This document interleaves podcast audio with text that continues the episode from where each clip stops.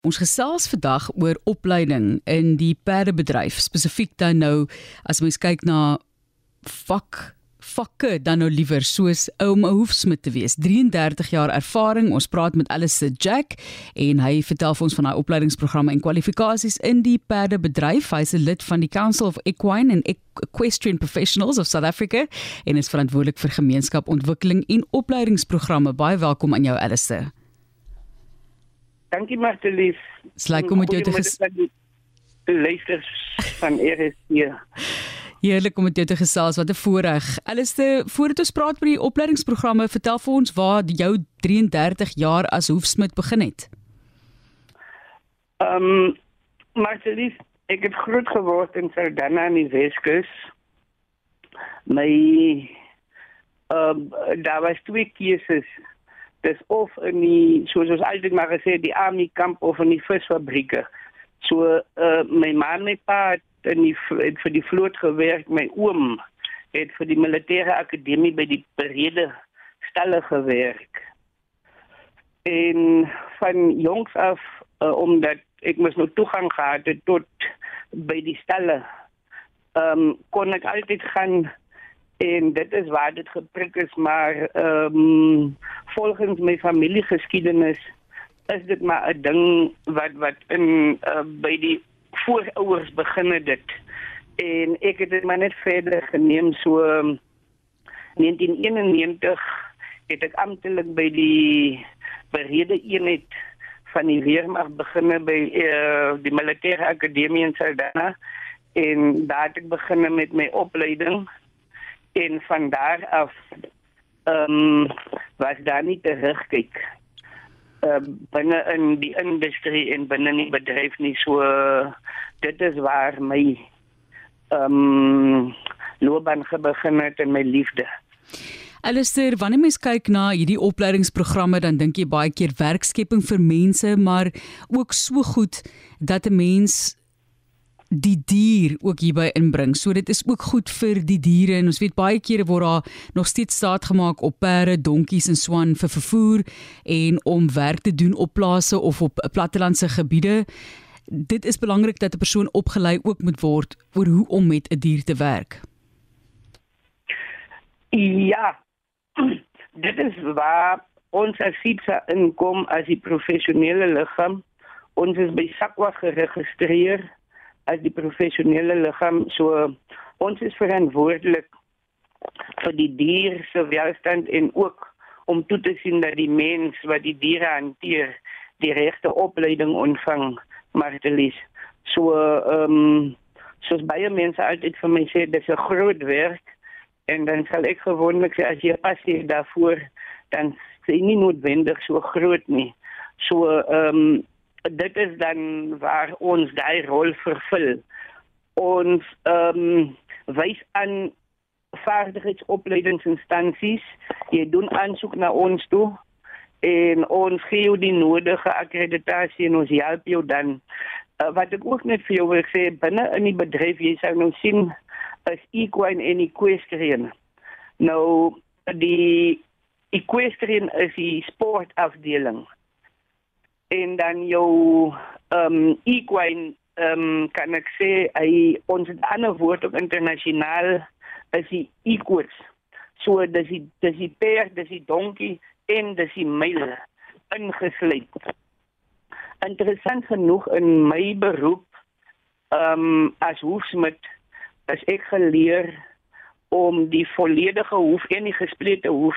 So in ander woorde, ek kan die ehm um, die die die uh, plaasdiere jou jou jou vee wat gespreide hoewe het die hoewe kan ek ook doen want dit is alles deel van die kursus en van jou opleiding wat jy dan doen.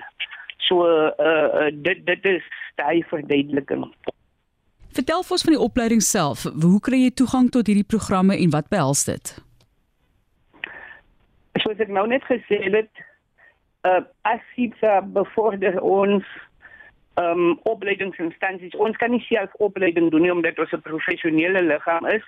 Ons registreer jou as 'n professionele uh persoon. So die um die training uh, providers is daar buitekant. Al jy doen dan die opleiding by hulle, die volgende kan jy doen. Jy kan oefening doen, jy kan afrigting doen, jy kan uh, leer om perde in te breek. Jy kan salfitting doen. Ehm um, jy kan skouspring doen, jy kan dressage doen. Ehm um, jy kan animal nutrition ehm um, jou jou dierevoeding kan jy doen. Jy kan assuransie doen daarop. Daar is 'n stuk van 38 beroep beroepe wat jy kan praktiseer binne in die bedryf. Maar uh dit die wat ek nou genoem het is is jou basiese waarna mense altyd kyk. En ehm um, in ons land het ons twee tipe uh bedrywe ons het soos jy nou daar het ons het die werkende perd en donkie en dan het ons die sportdier. Ja. Nou ehm um, as jy nou kyk in die op die Kaapse vlaktes die die Katos Protection Association wat elke dag met die uh soos ons nou sê die uh katies werk die skrepperde. Nou ehm um, dit is ook waar ek met prakties van 1993 af begine doen het en ek is eintlik ook 'n stigterslid van die Katos Protection Association van ons het elke dag het ons maar daar daai spanne gehelp om na hulle perde om te sien die hoewe daar's 'n spreekwoord wat mos sê nou hoef nou ons so ons ons het maar gesorg dat die hoewe in goeie kondisies is sodat die kondisie van die perd self kan optel want as die hoef nie reg is nie dan strem dit die ontwikkeling van die totale anatomie van die perd dis so waar. Daar's so baie ondersteuning wat 'n perd ook nodig het vir spesifiek daai gedeelte. Soos jy nou gesê die hoef wat mense dink baie keer hoe kom wille wille perde oor die weg? Ek weet ek ek ek dink ek weet iets maar ek weet duidelik nie genoeg eintlik van hierdie tipe van dinge nie. En dit is hoekom ons vir jou gevra het om vir ons meer te vertel. Dit is Alistair Jack en hy is al vir 33 jaar 'n hoefsmid en hy vertel van opleidingsprogramme en kwalifikasies in die perde bedryf Laasens net Alistair, is hierdie 'n goeie loopbaansrigting? Buite die feit dat 'n mens graag perde gemeenskappe en die wat in agtergeblewe gedeeltes van ons land is wil oplei en leer van perde en hoe om die kwalifikasies te bekom om daar 'n groot verskil te maak. Kom ons sê nou byvoorbeeld net jy het 'n groot belangstelling. Dink jy dis 'n goeie loopbaansrigting? Ja, Martelis, dis 'n goeie loopbaanrigting. Ek gaan byvoorbeeld die ehm um die die perderyters wat wat die jockeys op die racesbane. Nou as jy gaan leer vir 'n jockey dan sommige van die jockeys reg oor die wêreld ek vertel nie vir jou alleen vandag nie. In 'n maand verdien van hulle amper 'n miljoen rand. Sjoe. Sjoe, sjoe, in 'n um, maand. In 'n maand. jo, okay. En en nou jy ry mos elke dag. Ja. En as jy uh, die ons ons het 'n ons het 'n uh, um, uh, statistiek opgedeel opgestel van die 20 beste jockeys in ons land wat ook internasionale ry. En om, omdat ons mos nou die statistieke en die standaarde moet stel. Uh weet ek presies wat wie maak binne in die bedryf as jy perde as jy perde wil verkoop, as jy perde wil teel en jy wil hulle verkoop, onthou sommige kere jou volbloed perde gaan vir 'n miljoen rand. So van my kant af as as ek vat dit ook van my kant af as ek mis, as ek nie so pas as in uh, iets gemaak het in die bedryfie, dan sou ek al iets anders gedoen het. Maar ehm um, ek is nog steeds hierso en ek maak nog steeds aan die einde van die dag uh dit wat ek graag wil maak om te kan leef. Alles so, uh, ja. Dit dit is dit is die moeite werd.